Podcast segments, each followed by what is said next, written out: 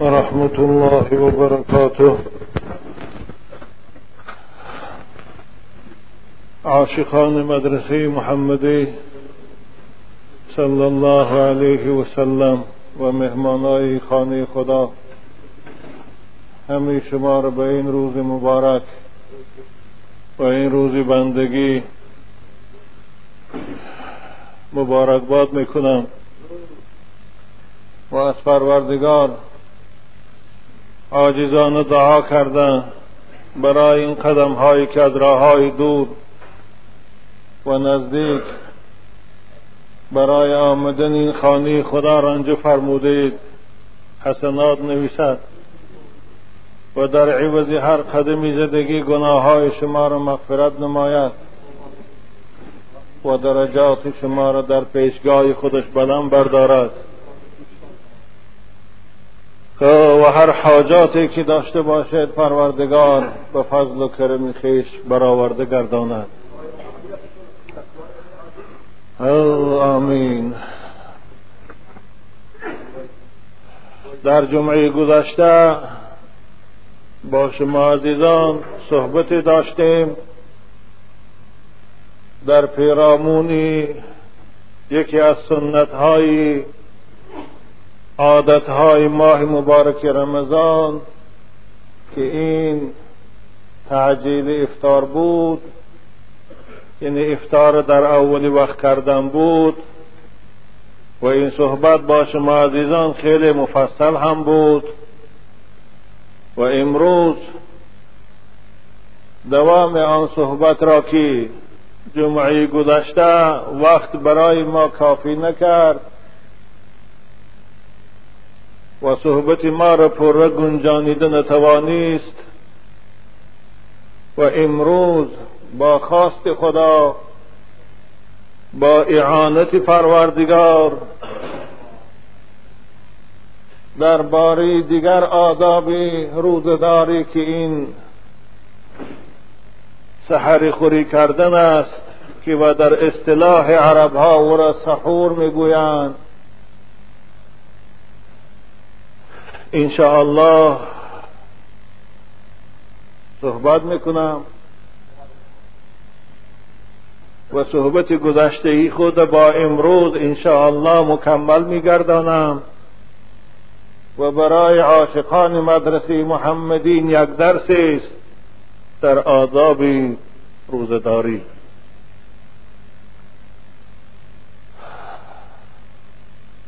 و هم به قدر دانش ناکرایی خود ناکفایی خود که در جمعه گذشته اعلان داشته بودم اما وقت به ما گنجایش نداد. در باب وعید و تهدیدهایی که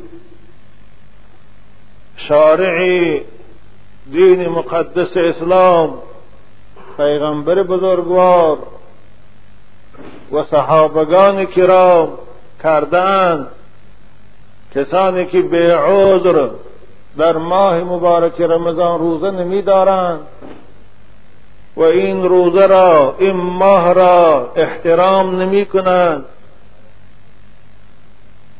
چی؟ وعیدها و چی؟ تهدیدهای هست. می‌خواهم به شما عزیزانی من مهمانان خانه خدا بیان سازم. تا اینکه این صحبت شنیده خدا به قدر طاعتتان استطاعتتان به دیگران رسانید. زیرا که الحمدلله این شبها در تمام محله ها بندگان خدا جمع آمدها دارند. اگرچه یازده ماه راه مسجد گم کرده بودند فراموش کرده بودند اما الان این شبها در مسجد هستند. بنابر این صحبت های شنیدی خدا خوب می‌شد که به اونها میرسانیدید زیرا که آن که امروز شما از این منبری پیغمبر خدا میشنوید و من با شما نیابتا از پیغمبر خدا صحبت می‌کنم این حدیث های صحیح است. که در صحت آن شکی نیست و روایات است از کتاب های معتبر که در درستی آن شبهه نیست. الحمد لله رب العالمين واشهد ان لا اله الا الله ولي الصالحين واشهد ان سيدنا وعظيمنا وحبيبنا محمدا رسول الله خاتم الأنبياء والمرسلين وعلى آله وأصحابه أجمعين. اللهم سلمنا لرمضان وسلمه لنا وتسلمه علينا حتى يخرج رمضان عنا وأنت. رحمتنا وغفرت ذنوبنا وعفوتنا. یا رب العالمین۔ پروردگارا ام ماہ مبارک رمضانہ ماه آسائش ماه تنجی و ماه پیش رفتی اسلام و ایمان گردان۔ خدایا، در این ماه مبارک بیماری ها را، خصوصا بیماری هایی عاشقان این مدرسه محمدی را شفای کامل عنایت فرما. پروردگارا ما را در این ماه سلامتی و تنجی نصیب گردان که این ماه به پاکی روزه داریم. و روزه های گرفتگی ما را در این ماه خدایا اگرچه لایق به درگاهی با عظمتی تو نیست قبول فرمایی. وقتی که رمضان تمام می شود خدایا تو ما را رحم کرده باشی و ما را از قطار بندگانی رحم کرده شدت گردانی و گناه های ما را آمرزیده گردانی. آمین. یا رب العالمین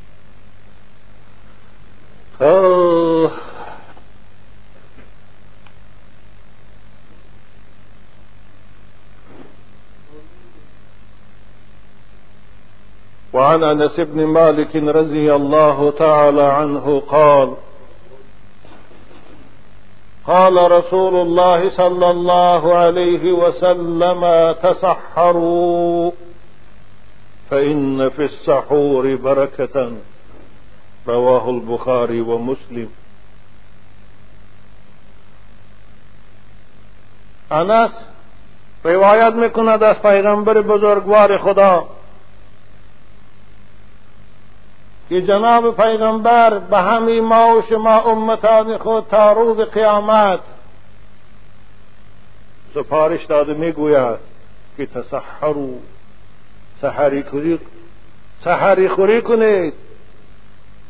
برای طعام سحر خوردن نصف شب از خواب بیدار شوید.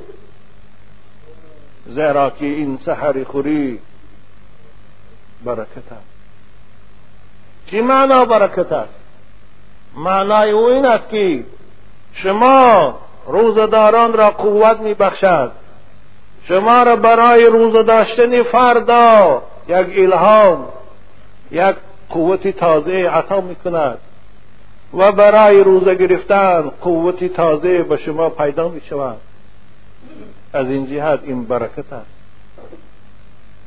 از این سبب فقهای اسلام سحری خوری کردن را یکی از آداب روزداری می‌دانند و حتی این سنت هم گفتند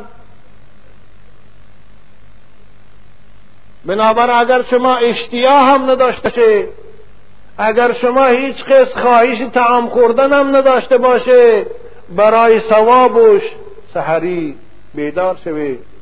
ساعت پنج. تا ساعت شش می توانه شما تناول کنه زیرا که الان شش ده صبح میدمد.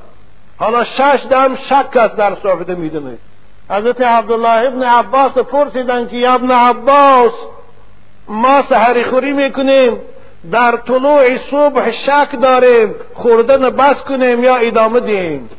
حضرت گفتن ادامه ده تا وقتی که یقین کنه که صبح ده میدن الان شش صبح نمیدم بنابر همه سحری خوری این تعام سحری. این سنت پیغمبر خداست. سنت صحابه های بزرگوار او. و فرق بین روزه ما اهل اسلام و روزه اهل کتاب است. با تاکید می‌کنم. سحری خوری فرق کننده بین روزه ما اهل اسلام و روزی اهل کتاب است. نصرانی ها و یهودی ها اونها هم به خود روزه دارند. نصرانی ها هم روزه می دارند یهودی ها هم به خود روزه دارند سال چند روز. اما اونها مانند ما و شما ساعتی چهار نمیخیزند ساعتی پنج نمیخیزند بنابر رسول اکرم در حدیث صحیح که امام مسلم روایت کرد میفرمایند وعن عمرو بن العاص رضي الله عنه قال قال رسول الله صلى الله عليه وسلم فصل ما بين صيامنا وصيام أهل الكتاب أكلة السحر. آن چیزی که ما را أهل اسلام هزار شکر پروردگار که ما را از أهل اسلام گردانیدی. از روزی یهود و نصرانی ها جدا میکناند فرق میکناند این سحری خوری است. بنابر جوان های عزیز عاشقان مدرسه محمدی شاید بعضی شما قوت دارید. از سری بیگاه تعام خوب می‌خورید. از روی بسیاری خواب از روی مثلا شیرینی خواب نمی‌خواهی سحری خیزه. و همون روزی تعام شب خوردگی اکتفا کرده. اما از ثواب این میمونه. حتی رسول اکرم گفتن این سحری خوری شما غنیمت داره. فلو ان یجرع احدکم جرعت من الماء. شما غنیمت دانه گفتن اگر که یک جرعه از آبم باشه سحری خیزه؟ همون بالای کرپتان نشینه. خانم تا نگویه شما یک پیاله چای تیا یا یک پیاله آب تیا همون نوشه. همین سنت به جا بیاد. ولو ان یجرع احدکم جرعتا من الماء. یا جرعتا من الماء باشد این یک بار. با وزن فعلتون برای مرت می بیاد یک بارم یک خورتم باشه بگیره زیرا که رسول اکرم علت چه گفتن؟ شما از این محروم نشه گفتن علت او چیست؟ برای چه رسول اکرم ما و شما را به سحر خستن اینقدر تاکید کردن اینقدر ترغیب کردن؟ علتش چی؟ سببش چی؟ سبب چه پیغمبر خدا به ما می‌گوید؟ فإن الله وملائكته يصلون على المتسحرين. زیرا خدا رحمت چه میفرستد برای بندگان سحرخیزش زیرا که ملائکه ها برای بندگان روزدار سحرخیز از پروردگار آمرزش گناه طلب میکنند. چه سعادت است؟ چه بزرگ است سحری خیستن ببینید هم تعام می‌خوره. قوتی روزداریتان تازه می شود برای فردا. هم سزاوار به رحمت خدا می شوی هم سزاوار به آمرزش طلب کردن ملائکه ها می شوی هم از هم مهمش سنت پیغمبر خدا را به جا می‌گذاره بنابر رسول اکرم گفتن امت اسلام سربلند است. مادامی که تعجیل کند افطار و تأخیر کند سحری خوری را. تعجیل افطار پیش از شام روزه را کشاده نستیم اگرچه عادت باب و اجداد گذشته ما این نیست باب و اجداد گذشته ما عزیزان من از احادیث پیغمبر خدا خبر نداشتند. علماهایی که در حصار بود من هم به سن پنجاه قدم زدم. اکثر اونها رو می‌دانم من. دیدگی هستم. اونها از محدث نبودن از کتاب های احادیث خبر نداشتند هر چیزی که اونها علم داشتن فقه بود یا منطق بود خلاص. حالا حدیث صحیح از رسول اکرم گفتند لا یزال الناس بخیر ما عجل الفطره. امت اسلام همیشه در سعادت است در پیشروی است مادامی که افتار پیش از شام می‌کنند که در این باب جمعه گذشته من خیلی سختتر هم گفته بودم. اکنون سحری خوری هم این هم از آدابی روزداری. رسول اکرم با همون قرب و کمالاتی که داشتن. که حضرت گفتند فانما یطعمنی ربی و یسقینی من خدا شبها طعام میپید من خدا شبها آب می من گرسنگی رو حس نمی کنم با وجود این حضرت سحریا می خیستند ببینیم. حضرت ارباز ابن ساریه رضی الله تعالی عنه چی می‌گوید؟ وعن الارباز ابن سارية رضي الله عنه قال دعاني رسول الله صلى الله عليه وسلم إلى السحور في رمضان. فقال هلم إلى الغداء المبارك. رواه أبو داود. إرباز میگوید یک سحری پیغمبر خدا من برای طعام سحری به خانشان فریاد کردند. ببینه رسول اکرم سحر صحابه بزرگوارش به خانهش دعوت کرد بیا سحری خودی کن همراهی من گفت. حلم بیا بیا. برای چی بیا؟ الى الغداء المبارک. این سحری طعامی مبارک است این طعام است که قوت روزداری فردار زاید می‌کنه. بیا یک جایی طعام کنیم گفتن سحری. البته رسول اکرم مانند ما بارین سحری آشی پلاو نمی کردن خورند حضرت مانند ما بارین گوش بریان نمی کردن خورند سحری ها اوقات حضرت از چه بود؟ از آب بود از خرما بود. نبر فرمودن نعم سحور المؤمن التمرو چی خوب است؟ تعام سحری برای بندی مومن خرما گفتن. حضرت عایشه میگن گاه ها ماه ها میگذشت گاه ها هفته ها میگذشت ما ازواج متحرات در زیر دیگمان علاب نمی کردیم علاب نمی داشتیم برای چی؟ مگر چی نداشتن؟ مگر پیغمبر ما همون کسی نبود خدا به او که ای حبیب من اگر خواهی من کوههای مدینه رو برای تو تلا کنم اما نه اجوع یوما و اشبع یوما بنابر معلوم شد این حدیث این سحری خوری عزیزان من. یکی از آداب روزداری است یکی از سنتی ماه مبارکی رمضان است.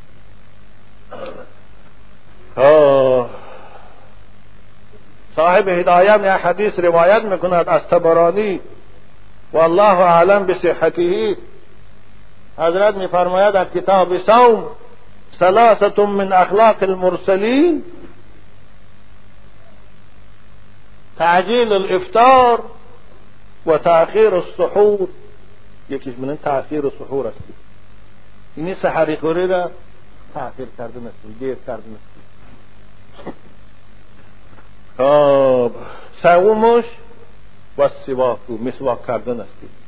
بنابر در مذهب ما مسواک کردن یعنی دندان ششتن روزه رو نمیشکنه جوانای عزیز کدامت که طالبه مدرسه ما هست من به شما اعلان داشته می‌گویم که در ماه رمضان دندان ششتن خواه به خاکه باشه به خمیره خواه به شادکی خالی باشه خواه به چوب مسواک باشه روزه رو نمیشکنه لیکن در وقتی شوشتنی دندان ها احتیاط کنه چیز در حق تا فرو نروا این مذهب ماستین. ولا باس بالسواق ولا بعد الظهر. حضرت امام اعظم گفتن. اما نزد امام شافعی وقتی که در دهان انسان بعد از پیشین حرارت پیدا می شود اثر گرسنگی پیدا می شود بوی ناخوش است. این پیغمبر اسلام خلوف نامیدند. این بو اثر عبادت است. این بو در پیشگاه خدا از بوی مشکم خوشبویتر است. بنابر حضرت امام شافعی بعد از پیشین مسواک کردن دهان و شوشتنش مکروه می‌گویند. تا اینکه همین بو نرود. همین بوی ناخوش از بین نرود. اما حضرت امام اعظم میگه ضرر ندارد این. این بوی او معنوی است و پشگاه پروردگار در خودش معلوم است وای. این بود به طرز کوتاه و مختصر درباره فضیلت سحری خوری عزیزان من اکنون موضوع دیگری که درباره وی گفتنی هستم این افتار کردن در ماه مبارک رمضان به عذر. این یعنی شخص ماه رمضان به سبب خورد شخص در ماه مبارک رمضان به عذر روزه نگیرد. شاید این بچه های شما هستند. شاید در بین شما عزیزان من کسانی هست که بچه هاتان روزه نمی دارد دختراتان روزه نمی دارد به عذر شرعی. بنابراین صحبت امروزی من خوب گوش اندازه. که حالی کسانی که در رمضان روزه می‌خورند در رمضان افطار بکنند در پیشگاه خدا چیست اعوذ بالله من الشیطان الرجیم. يا أيها الذين آمنوا كتب عليكم الصيام كما كتب على الذين من قبلكم لعلكم تتقون. صاحب روح البیان میگوید یا در اینجا حرف نداست. ایها حرف تنبیه است. در اینجا پروردگار ندا میکند نداء الحبیب للحبیب و تنبیه الحبیب للحبیب و شهادت الحبیب للحبیب. در اینجا پروردگار که دوست بندگان خود است به بندگانش ندا دارد. ای ای بندگانی که شما ایمان دارید چی شرف بزرگ است برای ما و شما عزیزان که خدا ما و شما را اهل ایمان گفت ایستاده است. پروردگار خودش شاهدی داد ایستاده است به ایمانداری ما. ای کسانی که ای بندگان نیکی من ای بندگان با ایمانی من. کتب علیکم الصیام. فرض گردانیده شد بر شما روزه داشتن را. کما کتب علی الذین من قبلکم همچنانه که فرض گردانیده شد بر امتای پیشی شما غمگین نشوید. شما ملال نشوید رنجید خاطر نشوید از اینکه خدای بزرگ و مهربان این عبادت وزنی داره فقط برای ما امت محمدی فرض کرد. برای چه امتای پیشین فرض نبود؟ این تو نگویید امتای پیشین ده هم فرض بود. همه پیغمبران پیشین به خودشان یک نو روزه داشتن. شاید آدابش دیگر بود اما روزه بود. کما کتب علی الذین من قبلکم مفسرین کرام میگه این جمله برای تسلی دل خاطر روزدار هاست که بندگان من ناراحت نشود این روزه فقط بالای شما ده نیست این روزه همه امتای پیغمبرای پیشینده بود. حتی حضرت آدم علیه السلام روزه می داشتند حضرت فقیه ابولیس سمرقندی سوال که برای چی روزه یک ماه شد زاید کم نشد؟ برای چی روزه یک ماه شد؟ شهر رمضان ماه مبارک رمضان. شهر رمضان صومو شهر رمضان ماه رمضان خدا گفت ماه رمضان. چون روزه یک ماه شد این یا بستنو یا سی علتش چی؟ علتش آن است. که پروردگار حضرت آدم علیه السلام این اکو یک سخنی حکم حکیمانه است. حضرت فقیه ابولا استمرقندی گفتیان البته از شارع در این باب چیزی وارد نشده است. فقط آن کس با عقل خودش همین تعبیر کرده که پروردگار وقتی که آدم در بهشت از خوردن درخت من کرد او درخت چیزی باشه خدا خودش می‌داند. خواه گندم است خواه انگور و خواه خرما. با وسوسه شیطان و با یاردمو تست تست کنی خانمش حوا مادرمان آدم همون درختی منهر خورد.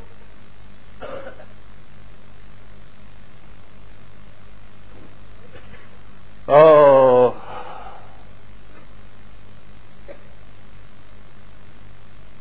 خورد آدم شرمنده شد.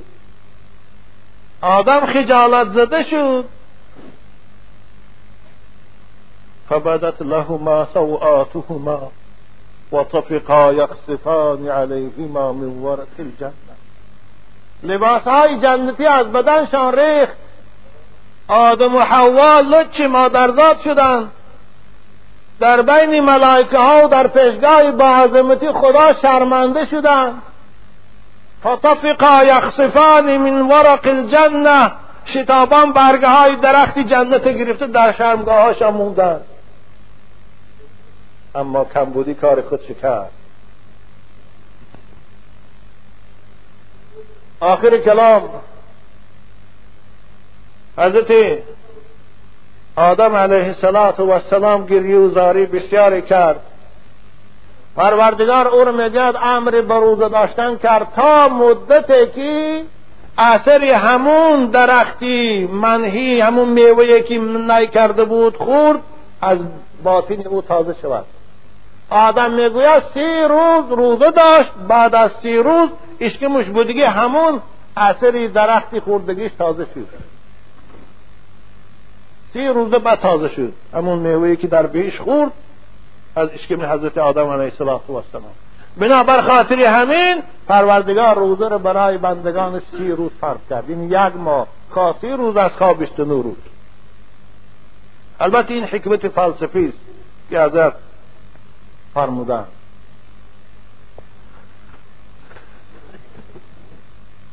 این پروردگار در اینجا بندهان خدا امری به روزه گرفتن کرد. ثانی به علت چه بیان کرد که این روزه برای شما چی فایده دارد؟ لعلکم تتقون. شاید به سبب روزه گرفتن شما آدم پرهیزگار شوید. شاید به سبب روزه گرفتن شما نفس خود کنترل کنید. بالای نفستان به غالب شوید. به گناه نروید. زیرا عادتا نفس انسان هرچی سرکش می شود شهوت انسان هرچی غالب می شود وقتی که آدم سر باشد. ببینه امروز جوانهای ما خواه بچه و خواه دختر به این قدر راه های بد رفتی ایستاده از روی سری و پوری. است اگر وای گرسنه باشد نه شهوتش پیدا می شود که به زنا رود. نه شهوت به او پیدا می شود او رو تستزه کند که به راه حرام رود. لیکن از روی سیریستیم بنابر پروردگار امری بروزه کرد. حالا حکمتی دیگری هم که رسول اکرم جوانا را امر کردن که شما زن گیره اگر قدرتی زن گرفتن نداره شما روزه داره. گفتن که فانه له لکم وجاء روزه برای شما نگهدارنده است. روزه برای شما من کننده است. شهوت شما را از زنا رفتن. از این سبب پروردگار ما و شما را روزه ده امر کرد. ببینه بندگان روزه دار خواه جوانان خواب پیر گناه نمی کنند. این آن گناهی که من در نظر دارم گناهی کبیره نمی کنند. خداشان نگاه می دارم ایام معدودات روزهای با شما ایام معدودات ای ایام قلائل. این روزها روزهای اندک است عزیزان من خدا میگه بنده ای من من برای تو یازده ماه اجازت خوردن دادم. از ماه شوال سر کرده تا آخر ماه شعبان ما و شما می‌خوریم. ما و شما می نوشیم ما و شما هرچی که خواهش داریم از راه حلال اجرا می‌کنیم. نفس ما می‌خواهد اما این یک ماه پروردگار میگه من شما را امتحان می‌کنم. این یک ماه من شما را میسنجون. آیا در این یک ماه فرمان من شما به جا میبیاری؟ در این یک ماه شما این نفس یازده ماه سرکش خود کنترل کردی میتانی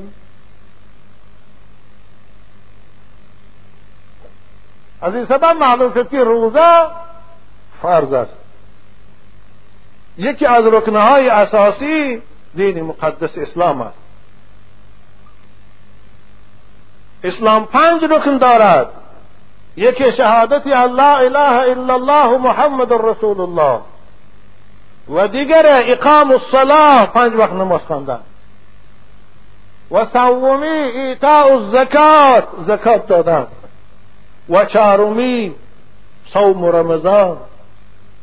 بعضی روایت حج و الحج و صوم رمضان. حج کردن و پنجمش روزی ماه مبارک رمضان است.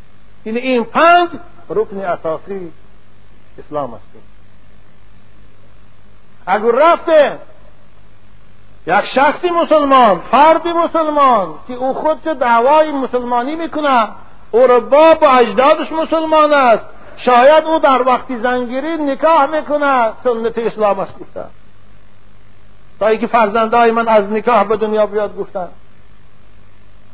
این اگر رفت و به عذر روزه نگیرد چی؟ یعنی یا روزه را قصدن نمی‌گیرد فرضیت ایمان ندارد یا فرضیت روزه ایمان دارد و اما از روی تنبلی نمی‌گیرد. حکم این چیز رسول اکرم صلی الله علیه و سلم میفرمایند که این حدیث ابن عباس هم روایت کرده هستند من افتر یوما من رمضان من غیر عذر لم يقض عنه صيام الدهر كله و انسامه رواه ابو داود. کسی یک روز از رمضان میخوره؟ یک روز از رمضان میخوره. بیع. فعدت من ایام اخر. یا مسافر باشد. این در جایی است که روزه گرفتن برای مشقت است مسافرت است. یا پیری کهنسال استی. روزه گرفتن برای و امکانیت ندارد. قوت نیست به روزه گرفتن. یا زن حامله است. یا زنی که گودکی نوزاد دارد. یعنی اینها عذرها هستند یا آدمهایی است که کارهای وزنی مبتلا هستند که غیر از او کار دیگر علاجی کاری دیگر یافتن ندارد سبب زندگیش همون کار است اینها کسانی هستند که شریعت به اینها رخصت داده است افطار کردن. در ماه رمضان ثانی کی که بیکار شدن کی که مثلا ماهانه استراحتی گرفتن در همون وقت بعد خداییاشان میدارند اما به عذر در خانهش بود در محوطنش بود کسل نبود یگان کاری وزنی دیده مبتلا نبود روزه را اگر خورد رسول اکرم گفتن که لم یقضی عنه صیام الدهر کلی. تمام سال روزه دارد تمام عمر روزه دارد قضای همون روز دیگر ادا کرده نمی‌تواند. و این سامه هم دارد روایت گشته. اگرچه بعد پشیمان شد همون روز قضایش ثانی دارد. چشم ماه یک سال ثواب او یک روز رمضان داشته نمی‌تواند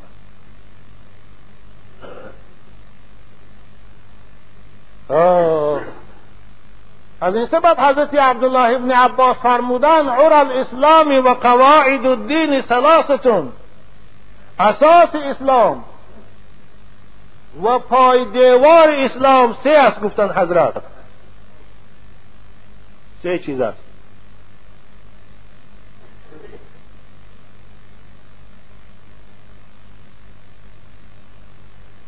الصلاة والصيام والغسل من الجنابه یکی نماز است یکی روزه است یکی غسل از جنابت است فمن ترک واحدة منها از این سه کسی یکتش اگر ترک کند مثلا نماز قصدن نخواند یا روزه را قصدن ندارد اگر یکتش ترک کند حضرت گفتم فهو کافر بها حلال الدین حلال الدم این آدم کافر شده است گفتم به احکام اسلام این آدم اگر حکومت اسلامی باشد اگر قانون قرآن جاری باشد کشتنش حلال است یعنی اینجا حضرت برای سیاست گفتن برای زجر گفتن.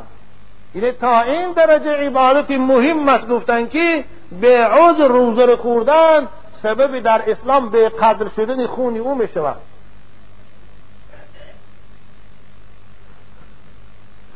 بنابر شمس الدین ذهبی در کتاب الکبایر می‌گوید و عند المؤمنین مقرر أنه من أفطر یوما من رمضان من غیر رخصت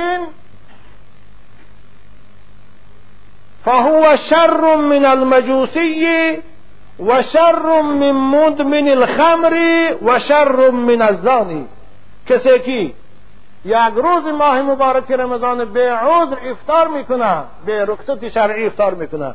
این آدم در پیشگاه خدا. عزیزان خوب تفکر کنید این سخن صاحب شریعت است. این آدم در پیشگاه خدا از آتش پرستا هم بدتر است. آتش پرست کی؟ آتش پرستی که خدا رو نمی‌شناسه. الله و خدا میگه. این آدم در پیشگاه خدا از مداومت عرق می نوشیدگی هم بدتر است. این هر هرگز هوشیار نیست همیشه مست است. از آدمی که زنا می‌کند از وی هم بدتر است. بل یشکون فی ایمانه و یظنون فیه الزندقه والانحلال.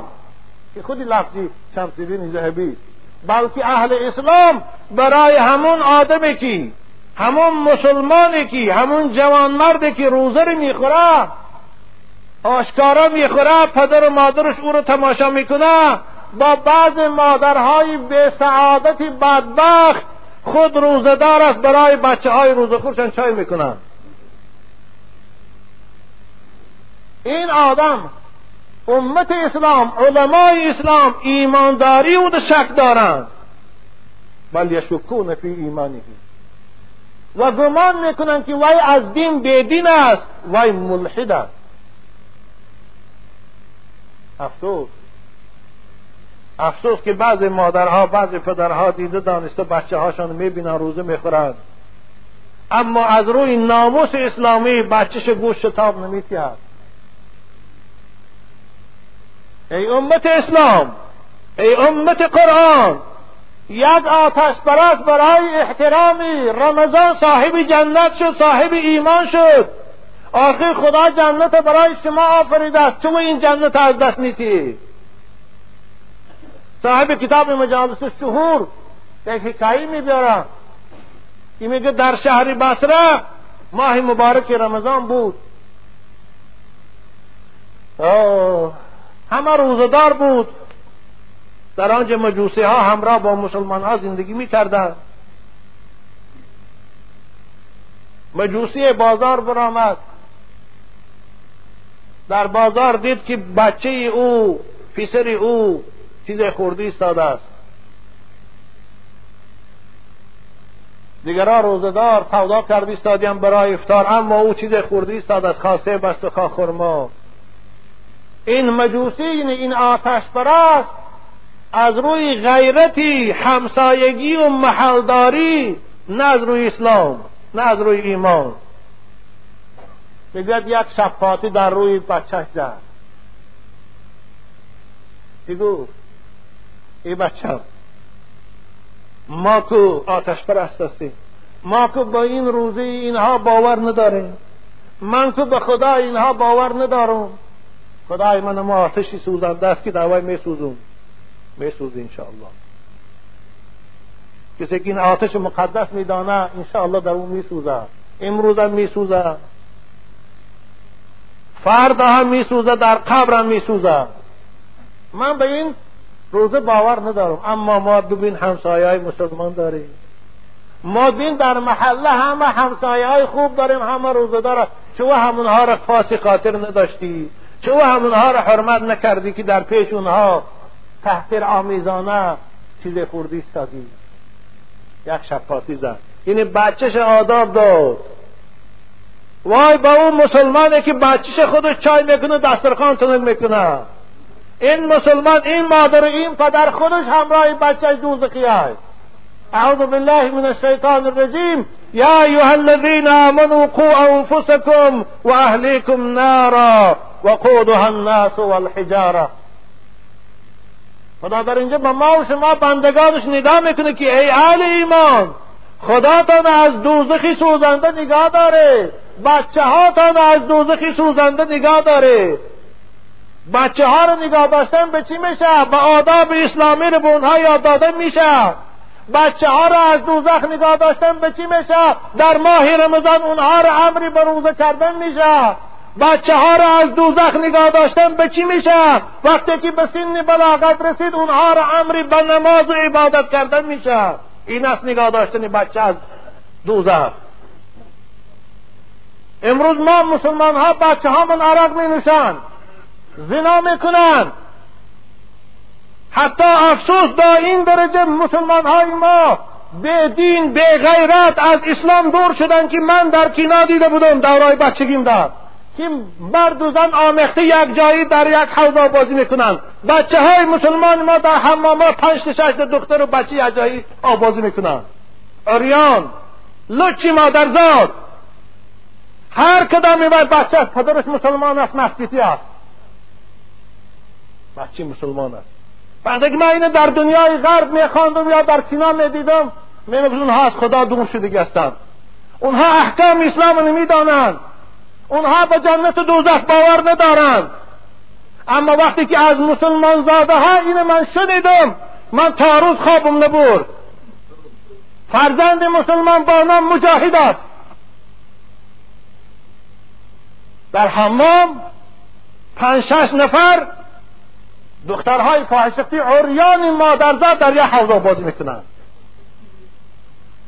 الله خدایا تو قادری برای چی زمین فرو نبرد اونها را؟ خدایا تو قادری قوم لوط فرو بردی فخسفنا به و بدار الارض قارون فرو بردی چون اونها را فرو نبردی ای خدای حلیم شاید اونها را برای آن گذاشته بود که از دست این حکومت جزا بینند.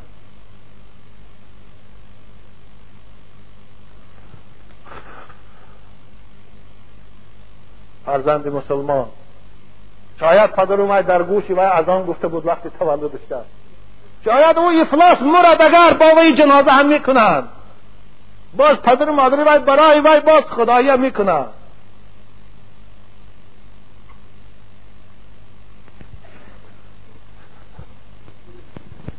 این است مسلمانی اوه. بنابر مجوسی میگد یک شب پاتی در رخساری بچهش زد و بچهش آداب آموزان سرزنش کرد. در این بند چند وقت گذشت مرد به سراغ این مجوسی آمد. این مجوسی از این عالم به رسوی آخرت سفر کرد. در این قانون الهی و فاز عمر چی خواهی که هر نفس که زدی؟ چنان برفت که هرگز دیگر نیاید باز این میرم. مانند که هر روز ما رفتی استاد است دیگر نمی بیاد. عمر ما هم رفتی استاد است دیگر نمی بیاد. آه این مجوسی بعد از مرگ در خواب یکی از عالم های شهری بسره این همون محله را در خوابش در آمد این عالم در خواب دید که این آتش پرست که همیشه در پیشی آلا و سجده می کرد در بالای تخت جنت. در بالای تخته های زیبای جنت در زیر درخت های بهیشت راحت دارد سبحان الله حیران شد تعجب کرد.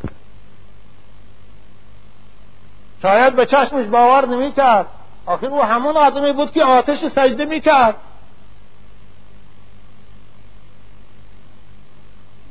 از حال این عالم او آتش پرست پی برد. فریاد کرد السلام علیکم. سلام کرد. گفت که ای برادر من همون آتش پرستم. هیچ دودیله نشو من همون بدبختم. همون بی سعادتم این عالم پرسید برای چی خدا جنت برای کافرها حرام گردانید؟ ان الله حرمهما علی الکافرین. روز قیامت کی دوزخی ها از بهشتی ها طلب میکنن که ما تشنگی سوختیم ما گرسنگی عذاب کشیدیم به ما تعام و شراب تیه قرآن حکای میکنه و نادا اصحاب النار، اصحاب الجنة ان افیضوا علينا من الماء او مما رزقكم الله قالوا ان الله حرمهما على الكافرين اما گرسنه موندیم اما تشنگی طاقت من تاق شد. چیزی از امون نوشابه های بهشت از امون تعام های لذیذی بهش بیتی. اونا در جواب چی بگن؟ ان الله حرمهما علی الکافرین. خدا بهشت با همه نعمتهاش برای دوزخی ها برای کافرها حرام گردانید. برای زردشتی ها حرام است. و تو چا بکنی الله. ثانیو در جواب گفت که دوست خدا آره من همان آتش پرست بودم اما الحمدلله وقتی که روح من قبض می‌شد پیش از روح قبضش من ایمانی به خدا آوردم من کلمه شهادت به زبانم گفتم بر روح من قبض شدگی است الحمدلله من مؤمنم. اشهد ان لا اله الا الله و اشهد ان محمد رسول الله. دیگه در وقتی سکرات بدم ملائکه های عذاب برای قبض روح من آمدن. ندای از غیب شد که دعو عبدی این بنده منو گذاره. این بنده من اول تلقین ایمان کنه تلقین شهادت کنه ایمان ده مشرف شد بر روح قبض کنه. برای چی؟ خدایا برای چی این سعادت به اون نصیب شد؟ برای خاطری احترام کردن ماه مبارک رمضان. آخرش به این رفع انجام ماه مبارک رمضان احترام کرد. بچهش در ماه رمضان سرزنیش کرد. به سبب این صاحب جنت شد. اکنون مادر و پدره که بچهش در ماه رمضان خودش زیافت کرده استید و انشاءالله من امید دارم در وقت مردن از ایمان خارج می شود که دیده دانسته ماه خدا را به حرمتی کرد. آه. در روایات می آید روز قیامت در پیشگاه خدا که همه جمع می شوند رسول اکرم که مقام شفاعت دارد امتان خود شفاعت می کند یکی از بندگان خدا یکی از امتان محمدی را ملائکه های عذاب به سوی دوزخ می برند رسول اکرم در باب در بالای تخت شفاعت می‌بیند. فریاد می‌کشد که یا رسول الله من یکی از امتهای گناهگار تو هستم ای پیغمبر خدا تو گفتی شفاعتی من برای امت من من دوزخ می‌برند اینها رسول اکرم می‌خواهد این بندی گناهگار شفاعت کنه می‌خواهد صاحب جنتش کنه اما در این وقت. در این وقت حادثه می شود رمضان مبارک در یک صورت زیبای پیدا می شود می‌گویه یا رسول الله این شفاعت نکن انا خسمه من بالای دعواچی هستم. انا خسمه یا رسول الله من بالای امتی تو دعواگر هستم. برای چی؟ برای چی؟ برای در ایام دنیا این من حرمت نکرد. این نه صحت نه کسل بود. نه عذر داشت اما به عذر از روی مستی روزه نگیرید اما به عذر از روی منصب حکومتداریش روزه نگیرید من بالای دعواگر هستم رسول اکرم داشتند میشینن چی می‌گویم؟ انا بری ام من کان خصمه رمضان. من بیزارم.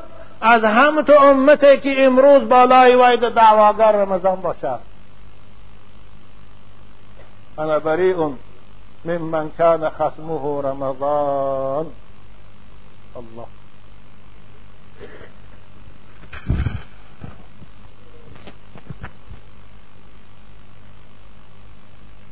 در این مضمون حدیث صحیح حضرت امام احمد روایت می‌کنند. از سبب که وقتی ما به پایان رسید انشاءالله شاید در جمعه دیگر این حدیث با شما عزیزان می‌خوانم و معنا می‌کنم